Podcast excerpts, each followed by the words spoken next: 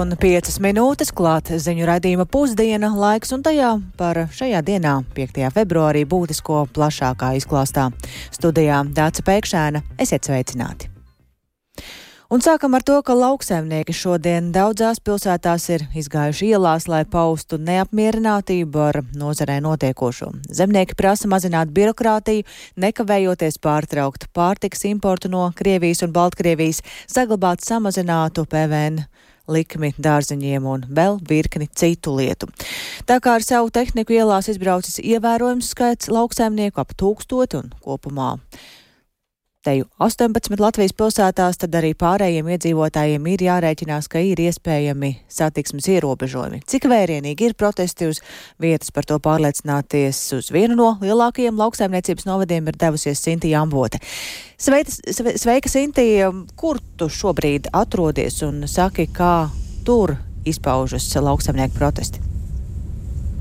Sveiki, Dārts! Sveicināt radio klausītāji! Jā, tā tad varam šodien teikt, ka zemnieku protestu vilnis ir atnācis arī līdz Latvijai.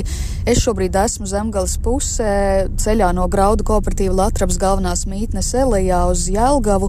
Tas ir ap 20 km ceļš, bet eh, mēs to mērojam jau stundu kopā ar lauksaimniecības tehnikas kolonu, un aiz mums vēl ir gana daudz arī citi satiksmes dalībnieki, to starp sabiedriskais transports un sastrēgumi veidojas. Tieši šajā vietā sabraukšu vairāk nekā simts zemnieku ar dažādu veidu smago tehniku, kas rotāta ar Latvijas karogiem un apkārt arī ar milzu plakātiem un uzrakstu uz šiem traktoriem vēsta pret birokrātiju lauksaimniecībā.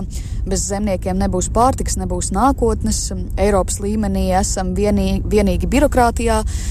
Mums ir jāražo pārtika, nevis jāpilda tabulas un tam līdzīgi saukļi. Tāpat ir atsevišķas vieglās automašīnas, kurām piekabēja ielikt arī siena ruļļi, un vēl kāds auto ved plakātu ar zemkopības ministra portretu. Šeit protestētājus pavada arī policija, lai neviens nemēģina apdzīt šo garo kolonu, tikai operatīvie dienesti to var darīt, tikmēr pretī braucošie brīžiem arī signalizē zemniekiem, šķiet paužot atbalstu. Pirms izbraucām apvaicā arī pašus zemniekus, kuri saka, ka jau ilgstoši ir pauduši savas bāžas dažādos lauksaimniecības politikas jautājumos, kā Krievijas un Baltkrievijas pārtiks imports, tāpat pretenzijas par samazinātu 5% PVN atcelšanu dārziņiem, kā arī lielā birokrātija, kas nākus līdz, līdz ar jauno kopējās lauksaimniecības politikas periodu. Šeit pamatā ir pulcējušies tieši graudkopības pārstāvji un varam paklausīties protestētājus. Patīk, ka par sevi valdība nepatīk. Viņi vairāk nospiež cilvēku uz zemē un nedomā par, par cilvēkiem. Nu, viss tas, kad kādi graudi nāk cauri tranzītā un kas viņus izkontrolē, viss, kur viņi paliek. Pēc tam, vai viņi tiešām ir aiziet tranzītā, vai viņi ir kaut kur arī kaut kas paliek mūsu tirgos, kas mums attiecīgi uzreiz cenu arī samazina. Nākot iekšā tranzītā, tie Baltkrievijas un Krievijas graudi Viņi jau kaut kur Eiropā arī paliekās. Un mēs arī Eiropas tauta ēdam tos, tos produktus, kas ir nu, nezinām kādas izcelsmes, ar ko viņi ir apstrādāti un migloti. Un, un to neviens arī neuzzinās nekad. Ejam pa lielam par to, pa visu to birokrātiju, pēc tās varbūt riebīgākā lieta varētu būt nostrādājuši laiku ar tehniku visu, nu, visu dienu, visu pārējais. Vakarā gan stēt pie datora, kā IT speciālists un jāvada viss iekšā. Pirmkārt, ļoti nepatīk, ka Eiropa kaut ko ierunājās, ko varētu varbūt izdarīt vai varbūt vajadzētu, bet Latvija uzreiz pieņem. Nu jā, un kā zināms, ar zemkopības ministru Armandu Krauzi no Zaļo zemnieku savienības zemnieki jau tikās piekdien, bet pēc vairāk stundu sarunām tāpat lēma rīkot protestu, tāpat Eh, viņi joprojām gaida tikšanos ar premjeru Eviku Siliņu no jaunās vienot. Un zemnieku saimā ir paudusi, ka šis tātad ir tāds brīdinājuma protests un uh, norit miermīlīgi, jo tas šoreiz arī notiek tikai novados un jau krietni pēc agrajām rīta stundām, kad vairs nav tik intensīva satiksme. Taču, ja lauksaimnieku izvirzītās prasības netiks izpildītas, tad jau nākošajā pirmdienā viņi ir gatavi ar šo tehniku doties arī uz Rīgu, lai paustu savu neapmierinātību. Dace. Paldies Sintījai Ambotai par ieskatu notiekošajā Jelgavas novadā, bet eh, ļaujiet strādāt birokrāti. Šodien pasts, rīt skola, parīt zemnieks. Par Latvijas laukiem. Ļaujiet strādāt zemniekiem, un tātad ar šādiem saukļiem šodienas protestos piedalīties devās arī zemnieki kurzemes pusē. Lai pusdienu laikā sasniegtu Liepāju jau rīta pusē daudzi pulcējās uzņēmumu Durbis grauds teritorijā, un ar Dienvidu kurzemes lauksaimniekiem aprunājās arī Latvijas radio korespondente kurzemē Inga Ozola. Nu, ko visu laiku traktoros? Jā, jā brauc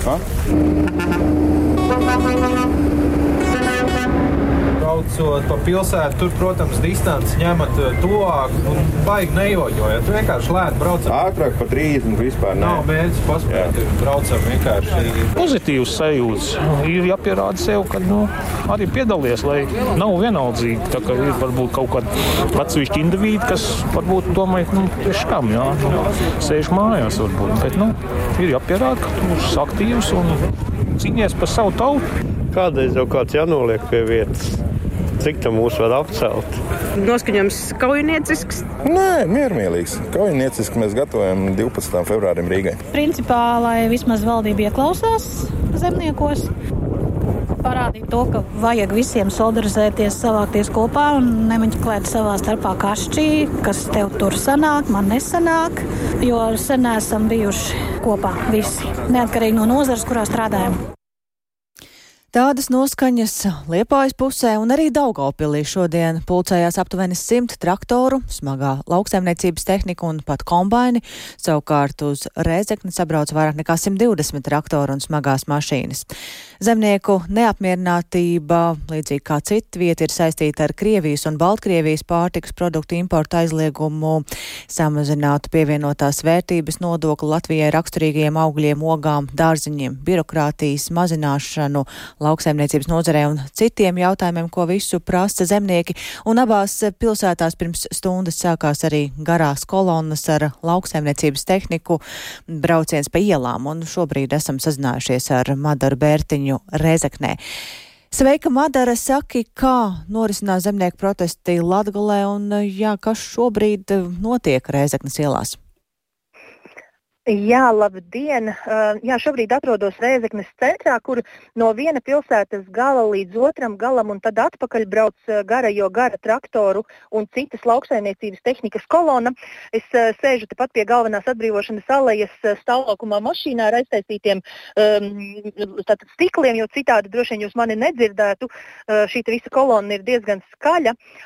Un skats kopumā ir ļoti iespaidīgs. Vairāk nekā 130 tehnikas vienības, gan pavisam jauni traktori, gan veci. Eh, piemēram, kā pastāstīja dalībnieki, viens no vecākajiem esot 1960. Eh, gadu traktors. Un, eh, līdzīgi kā arī Sintīs stāstīja no Zemgales, arī šeit lielākajai daļai traktoru ir Latvijas karogi un, protams, saukļi, gan šie paši jau, kas tikko izskanēja, gan arī, piemēram, pilspalvai lielāks nobraukums kā traktoram. Tātad runājot par šo lielo birokrātiju lauksaimniecībā.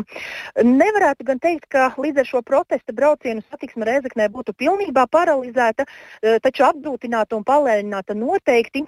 Viss brauciens notiek iekļaujoties ceļu satiksmes noteikumos, respektīvi darbojas lukstufori, gājēju pārējas. Attiecīgi viss kā ierasts ikdienā Rēzaknē ceļu satiksmē, tikai par simts traktoriem vairāk. Lūk, biju pievienot arī uh, Rēzaknes lauksaimnieku protesta WhatsApp grupai, kur pirms tam uh, arī organizatori vairāk kārt atgādināja, ka obligāti visiem traktoriem ir jābūt gan tehniskajai apskatei, gan apdrošināšanai. Tāpat pirms uh, došanās Reizeknas ielās organizatori arī pārbaudīja, vai saukļi, kas ir piestiprināti pie traktoriem, ir atbilstoši protesta būtībai. Proti, lai uh, gadījumā kāds neizmanto šo protestu saviem mērķiem, piemēram, uzliek kādu saukli pret uh, vakcīnām vai vēl ko tam līdzīgu. Un uh, vēl pirms jā, lauksaimnieki pirms devās Rēzeknes ielās, es parunāju ar vairākiem sabraukušajiem Rēzeknes un Ludas novada zemniekiem. Paklausīsimies, ko viņi stāstīja. Mans viedoklis nu, paliek nerentablis saimniekot. Teiksim tā, 30 gadus es manā saimniecībā nu, darbojos, zināju, ko es darīju, tagad jau nezinu, ko es vispār šeit daru. Cenas, cenas no Krievijas graudus, ko nesam tam konkurētspējīgi. Nu, es 30 hektārus audzēju. Nu, arī šoki. Pagošies gads sausīs bija, nu, praktiski ražastī nekādas nebija. Dago par savu darbu damaksot, vai? Tā apmēram tā, nu, ka nokušīs tāds. Tad... Nu, viņš sēdīs man ūdītā. Tad jomat mīrs lēkam, jo, jo dabāja cita nodarbošanos kaut kādu. Par to lada visu sistēmu, es pret. kurus attaisīja, ka jo fotografēja lauks, tīnās, kas nas, kur josilta vēl. Neuzstrāvēt zemnieku. Vāk jāgrok bija, lai stot atpakaļ. Vēlamies būt vienoti un neesam apmierināti ar esošo situāciju, kas ir veidojusies tāda birokrātija. Tur tiešām nospiež un daudz laika prasa mums visiem. Tāpēc kaut kas ir jāmaina. Varbūt tos ministrus likt drusku darboties efektīvāk, ne tikai solīt, bet arī rīkoties. Jā, līdzīgi viedokļi ir arī Daugopilī sabraukušajiem zemniekiem no Daugopils apkārtnes un Sēlijas. Viņi arī uzsvēra, ka patiesībā šis problēmu lokus ir vēl lielāks nekā minēts zemnieku saimas iesniegtajā sarakstā. Piemēram, viens zemnieks stāstīja, ka viņam bezakcīzes dīzeļdegvielas šī piešķirtā kvota beidzas jau pirmajā pusgadā. Un arī viņi teica, ka prasību sarakstā liels uzsvars ir likts uz problēmām graudkopiem, bet būtu bijis vairāk jārunā arī par cūku un gaļas lielopu audzētājiem un par piensaimniekiem.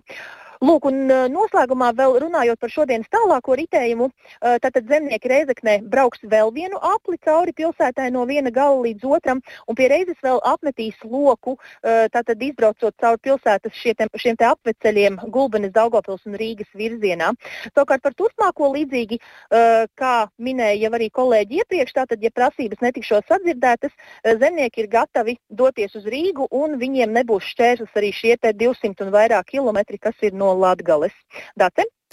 Paldies Madarai Bērtiņai tik tālu par lauksaimnieku protestiem dažādās Latvijas vietās. Tikmēr zemkopības ministrs Armāns Krauze no ZZS komentējot lauksaimnieku protestus kolēģiem Artais Kujai un Laurim Zvejniekam, redījumā labrīt šorīt sacīja, ka virkne lauksaimnieku prasību jau ir izpildītas, savukārt daļu nevarot izdarīt nedēļas laikā, tāpēc tas vēl ir procesā, bet jebkurā gadījumā ministrs neredzot pamatu tam, lai vēl arī pēc nedēļas lauksaimnieki rīkotu šādu protestu akciju Rīgā. Piemēram, pagājušā pirmdienā, jau pirms vēstules saņemšanas no lauksaimniekiem, mēs jau bijām valdībā pieņēmuši lēmumu virzīt likuma projektu par importu aizliegumu. Šodien jau šis likuma projekts ir gatavs. Tas jau bija pirms. Ja runā par plašāku pieeju līdzekļiem gan apdrošināšanā, gan arī kredītprocentiem, tad es atgādināšu, ka pagājušā gadā jau budžeta ietvaros 12 miljoni piešķirti budžetā, un papildus tam mēs šogad arī esam sagatavojuši, ir sagatavot ministra kabineta noteikumu, kas dos plašāku iespēju ilgāk pieteikties un plašākam pretendentu lokam saņemt šo kompensāciju pusē no apdrošināšanas polises. Mēs ceram, ka vairāk iesaistīsies lauksaimnieki, apdrošinās savus īpašumus.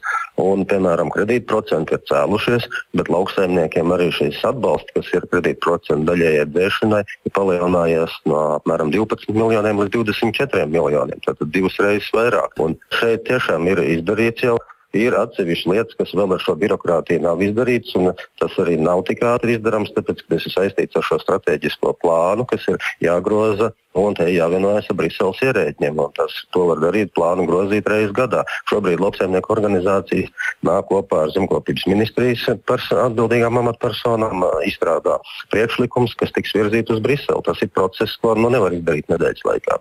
Nu jā, jūs visu laiku tikai par to Briseli runājat, tad jūsu spēkos nekā nav ko izdarīt. Nu, un, jūs sakat, daudz jau it kā paveikts ir, bet, lūk, nu, lauksaimnieks saka, ka nekas diži nav paveikts. Tad jau jūs piekdien būtu atraduši kompromisu. Mēs jau esam izdarījuši, minēju, nu, piemēram, 12 miljonu papildus un visa šī mūsu noteikuma maiņa, lai būtu atvieglota pieeja. Tas ir būtiski, mūsu spēkos to ir izdarīt. Tāpat kā likuma projekts par šo importu ierobežojumu, viņš ir gatavs. Viņš ir gatavs un tiks uh, faktiski šodien atdots uh, deputātiem vērtēšanai. Ja, ja mēs ejam cauri pa punktiem, tad skaidrs, ka PVN, kas samazinātā, tā nav vienas nedēļas diskusija. Tā ir diskusija valdības ietvaros, kur iesaistās visi politiskie spēki. Un, un šādas lietas parasti budžeta pārskatīšanas laikā un sagatavošanas laikā skat. Tā kā lietas mūsu spēkos ir ko izdarīt, un mēs jau esam izdarījuši. Es gribu uzsvērt to, ka jau esam izdarījuši. Un arī es izgāju ļoti rūpīgi cauri šīm slāmas prasībām, kur min, ka mēs esam tikai vienu izpildījuši. Tā nav no slāmas, mēs esam izpildījuši arī lielāko daļu, izņemot, ko mēs neesam attiecībā uz šo birokrātiju, kas bija jāskaņo ar, ar Briselu. Tāds lūk zemkopības ministra Armanda Krauzes redzējums, un šo tematu noteikti turpināsim arī raidījumā pēcpusdienu.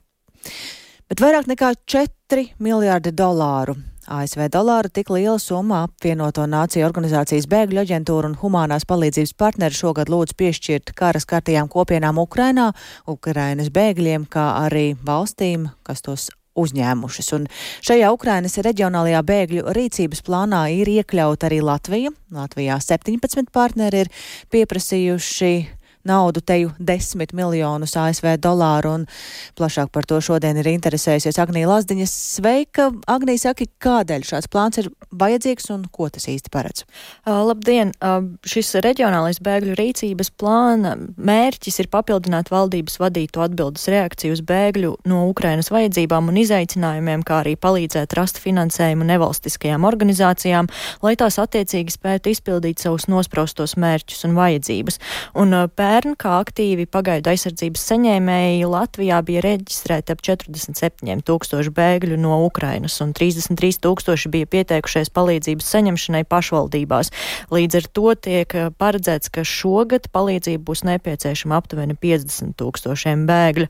Un eh, lielākā daļa bēgļu no Ukrainas Latvijā ir sievietes un bērni. Līdz ar to arī joprojām ir redzami dažādi aizsardzības riski, ar kuriem īpaši saskaras sievietes un bērni. Uh, Un uh, bēgļiem kopumā esot vajadzība pēc, pēc izmitināšanas Latvijā, tāpat arī tiek stā, lēsts, ka tikai 39% no visiem reģistrētajiem Ukrainas bērniem uh, vecumā no 7 līdz 17 gadiem mācās vietējās skolās Latvijā, bet pārējie bērni iespējams apgūst tiešsaistes izglītību, ko nodrošina Ukrainas skolas. Kā arī daudz Ukraiņi, vairāk nekā 90 tūkstoši, izmantoja Latviju kā tranzītu valsti pērn. Un uh, tā kā Latvijas valdība turpina sniegt atbalstu Ukrainai arī šajā gadā, tad arī Latvijas reģionālais bēgļu rīcības plāns ir vērsts uz veiksmīgu iekļaušanu un atbalsta valsts iestāžu centienus risināt eh, bēgļu no Ukrainas vajadzības, pievēršot šogad uzmanību visneaizsargātajām grupām. Un, ja pērn tās bija vairāk eh, nepieciešamība nodrošināt pamatvajadzības, tad šogad jau iet dziļāk un to palīdzību sniedz daudz detalizētāk un un uh, jau iet tālāk. Un uh, ņemot vērā iepriekš minēto šo bēgļu populācijas sastāvu, liela daļa aizsardzības programma ir izstrādāts pievēršot uzmanību sieviešu un bērnu vajadzībām, kā arī risināt dažādas ģimenes problēmas. Un Latvijā starp šiem 17 partneriem ir dažādas nevalstiskās organizācijas kas jau līdz šim ir palīdzējušas Ukraiņiem, kā piemēram gribu palīdzēt bēgļiem, patvērums droša māja, centrs Marta, biedrība Tavi draugi un daudzas citas, un arī tās aktivitātes, kam šo finansējumu organizācijas tērētu, ir ļoti dažādas - psiholoģiskais atbalsts, pētījumu veikšana, dažādi valodu kursi, stipendiju fondi jauniešiem, dažādi palīdzības stendi un daudz kas cits, un par to, kādu palīdzību iegūstot finansējumu sniegtu biedrība Tavi draugi, paklausīsimies vadītāju Ulda Novika teikto. Viens ir tas, ko mēs darām līdz šim, nodrošinām humanitāro palīdzību Ukraiņiem uz vietas Latvijā, kā arī koordinējam to viņu atrašanos šeit, mēģinam izprast viņu vajadzības. Šobrīd cenšamies profilēt uh, Ukraiņu nepieciešamības, to, ko viņi dara, kāda ir viņu situācija, kur viņi dzīvo. Gribam saprast reģionālo situāciju. Mēs gribētu turpināt arī robežas projektu, bet šobrīd, nu, diemžēl, to nav iespējams darīt. Nu, protams, turpināsim to, ko esam darījuši līdz šim. Centīsimies nodrošināt Ukraiņiem nu, pamatvajadzību sagādāšanu. Jānorāda, ka ne visas šīs 17 organizācijas finansējumu patiesi iegūs. Piemēram, pērno 12 miljoniem ASV dolāru, ko kopumā Latvijā lūdza iegūt tikai 3 miljonus uh, dolāru. Un tas, cik šogad organizācijas iegūs naudu, to starp kuras tās būs, atkarīgs no šiem konkrētajiem ziedotājiem, kuri izvēlēsies noteiktas organizācijas un to finansējumu, kurā kuru tām piešķirt. Paldies Agnijai Lazdeņai, tikmēr par gatavību ar desmitiem miljārdu dolāru palīdzēt pašai Ukrainai pēc ilgstošām sarunām beidzot ir vienojušies ASV kongresa augšpalātas, senāta, demokrātu un republikāņu līderi, taču republikāņu kontrolētā kongresa apakšnama pārstāvi palātas priekšsādātājs jau ir paziņojis, ka viņa partija attiecīgo likumprojektu neatbalstīs. Un šajā tematā vairāk iedziļinājies kolēģis Uldis Ķesberis. Sveiks, Uldi! Ko paredz šis likumprojekts un uh, pret ko iebilst republikāņi? Jā, nu, demokrāti un republikāņu senatori vienojās atvēlēt 118,3 miljārdus dolāru, uh, lai cīnītos ar nelegālo migrāciju uz ASV un Meksikas robežas, kā arī sniegtu militāro palīdzību Ukrainai, Izrēlai un Taivānai. Eh, piezīmēšu, ka palīdzībai Ukrainai ir atvēlēti 62 miljardi dolāru, kurus jau pagājušā gada nogalē lūdza ASV prezidents Joe Bidenis. Nu, ASV dienvidu robežas drošības stiprināšanai ir atvēlēti nedaudz vairāk kā 20 miljardi dolāru, taču likumprojekts paredz arī plašas izmaiņas imigrācijas politikā, piemēram, sašaurinot iespējas iegūt patvērumu. Nu, taču būtiskākais punkts, kas attiecas uz imigrāciju, ir iespēja automātiski slēgt robežu, ja diennakts laikā reģistrēto nelikumīgo robežas šķērsošanas gadījumu skaits pārsniedz 5000. Baltais nams jau ir paziņojis, ka ASV prezidents Joe Bidenis nekavējoties izmantot iespēju slēgt robežu, jo pēdējos mēnešos ir bijušas dienas, kad nelegālo, nelegālo robežas šķērsošanas gadījumu skaits ir sasniedzis pat 10 tūkstošus. Pats Baidens sociālajos tīklos aicināja kongresu atbalstīt šo likumprojektu, jo tas ietver nevien mm, stingrāko un taisnīgāko imigrācijas reformu pēdējo desmitgažu laikā, bet tajā ir paredzēts arī atbalsts Ukrainai karā pret Krieviju. Senāta demokrāta frakcijas līderis Čaks Šūmers uzsvēra, ka šis ir viens no svarīgākajiem likumprojektiem, par ko kongresam ir bijis jālemj daudz gadu laikā. Putin has invaded Ukraine. If he's not stopped, Putins ir iebrucis Ukrainā. Ja viņu neapturēs, tad viņš iebruks arī Austrumē Eiropā, un tad uz kārts būs likti ASV resursi un iespējams arī amerikāņu dzīvības. Ukraiņiem trūkst munīcijas, viņi ir drosmīgi un varonīgi, bet bez šīs palīdzības Putins uzvarēs karu. Ukrainas prezidents Zelenskis mūs brīdināja, ka bez šīs palīdzības viņi zaudēs karu, bet rietumi un ASV maksās par sekām. Likumprojektā paredzētie līdzekļi palīdzēs Izrēlai aizsargāties pret Hamas, un ar šī likumprojekta palīdzību mēs atrisināsim problēmas uz mūsu robežas. Šis likumprojekts ir ļoti svarīgs ASV, mūsu nacionālajai drošībai un mūsu labklājībai. Well Jā, nu senātā balsojums par likumprojektu varētu notikt līdz trešdienai, bet pagaidām nav skaidrs, vai tas varētu saņemt vispār minimālo nepieciešamo balsu skaitu 60. Nu, ja senāts to apstiprinās, tad likumprojektu nosūtīs pārstāvju palātai, bet tās priekšsēdētājs republikāns Maiks Džonsons jau ir paziņojis, ka likumprojektam nebūs iespēja saņemt vairākumu atbalstu, un Džonsons un citi labējās pārna republikāņi uzskata, ka likumprojekts pašreizējā formā nepietiekami stingri vēršas pret nelegālo imigrāciju. Paldies Uldim Česberim, un mēs atgriežamies pašmājās, jo ir sadalīts Nacionālās kino balvas lielais kristaps, taču diskusijas sabiedrībā nerimst gan par pašu ceremoniju, gan arī balvu saņēmējiem, un par to runāsim ar kino kritiķi Kristīnu Simpsoni. Labdien! Labdien! Pats balvu sadalījums tā īsumā pārsteidzošs, gaidīts, paredzams. Balvu sadalījums vietumi pārsteidzošs, vietumi nepārsteidzošs. Tad droši vien jāsaka, ka žūrija ir kopumā, manuprāt, adekvāti izvērtējusi aizvadītā un arī šī gada filmas, bet atsevišķos lēmumos bijusi varbūt nedaudz piesardzīga vai konservatīva, un te es vairāk mērķēju debijas filmas kategorijā, tāpat arī atsevišķās aktieru kategorijās. Jā, nu šī ir tā reize, kad par pašu ceremoniju vērtējumu arī no televīzijas skatītāju puses izskan diezgan plaši. Kā jūs to skaidrot un kā ir vērtējuma šī pati ceremonija? Pirmkārt, man ir ļoti liels prieks par to, ka šobrīd ļoti plaši un arī pozitīvā gaismā tiek apspriesta pati ceremonija. Un, uh, es pati to slimības dēļ skatījos um, televīzijas tiešraidē, un uh, pēc sarunām ar kolēģiem spriežu, ka tieši televīzijas skatītāji vakardienas ceremonijas kontekstā ir bijuši ieguvēji. Un tā tam arī savā ziņā uzskatu ir jābūt, jo šī tomēr ir Nacionālā kino balva, ko mēs pārraidām sabiedriskajā televīzijā. Un, ja mēs salīdzinām salīdzinām ceremoniju ar to, kāda tā ir izskatījusies pagājušajā un vēl iepriekšējos gados, tad šogad tiešām ir redzams, ka tā ir dinamiskāka, saistošāka, ar eh, ļoti ciešu mm, atsauču kopumu uz sociālpolitiskām aktualitātēm. Manuprāt, tas iezīmē tādu labu tendenci, ka mēs ejam pretī skatītājiem. Un, uh, Kā jau, manuprāt, kolēģi iepriekšējā raidījumā Kultūras Rondo teica, ka šis ir satikšanās punkts starp kino veidotājiem un kino skatītājiem. Un no televīzijas skatītāja viedokļa, manuprāt, tas ir ļoti veiksmīgs bijis. Nu jā, nu ceremoniju varēja tik tiešām redzēt tik viens tiešraidē, līdz ar to katram savs redzējums par to, ko nevarētu teikt par pašām filmām, jo, kā zināms, tad šoreiz bija nominētas un arī apbalvotas tādas, ko skatītāji nemaz nav redzējuši. Cik tas ir pareizi tā īsumā? Es uzskatu, ka uh, fakts, ka uh, ba balvai tiek nominētas filmas, ko cilvēki vēl iespējams nav redzējuši, pats par sevi uh, tas nav nekas nosodāms, jo filmas vērtē tomēr no sākuma atlases um, atlas komisija un pēc tam vērtē žūrija.